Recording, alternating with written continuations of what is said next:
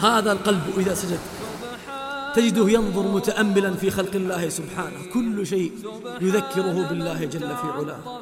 إذا رأى السماء تذكر والسماء بنيناها بأيد وإنا لمنسعون يتأمل ما فيها موضع شبر إلا وملك واضع جبهته ساجد لله سبحانه وتعالى فيزيد سجوده في ذاك الصدر. كلما رأى شجر سأل نفسه من أنبته ورعاه.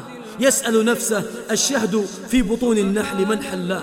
الجبل ذاك الأشم من الذي أرساه؟ النخل من سواه ومن شق نواه؟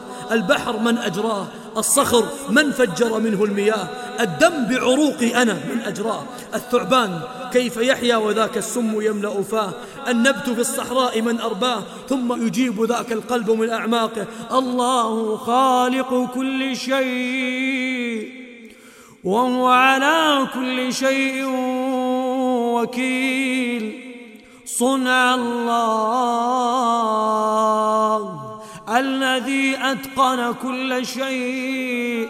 فكل شيء يذكره بالله فما الذي يذكر قلبي وقلبك بالله؟ فتعال أخي الغالي وادع ربك سبحانه وتعالى وتخلص مما يغضبه جل جلاله عندك واعمل ما ترى من الصالحات. يفتح الله سبحانه وتعالى لك فتحا عظيما. ووالله الذي لا إله غيره لن نذوق للحياة طعما إلا إذا سجدت قلوبنا لله سبحانه وتعالى.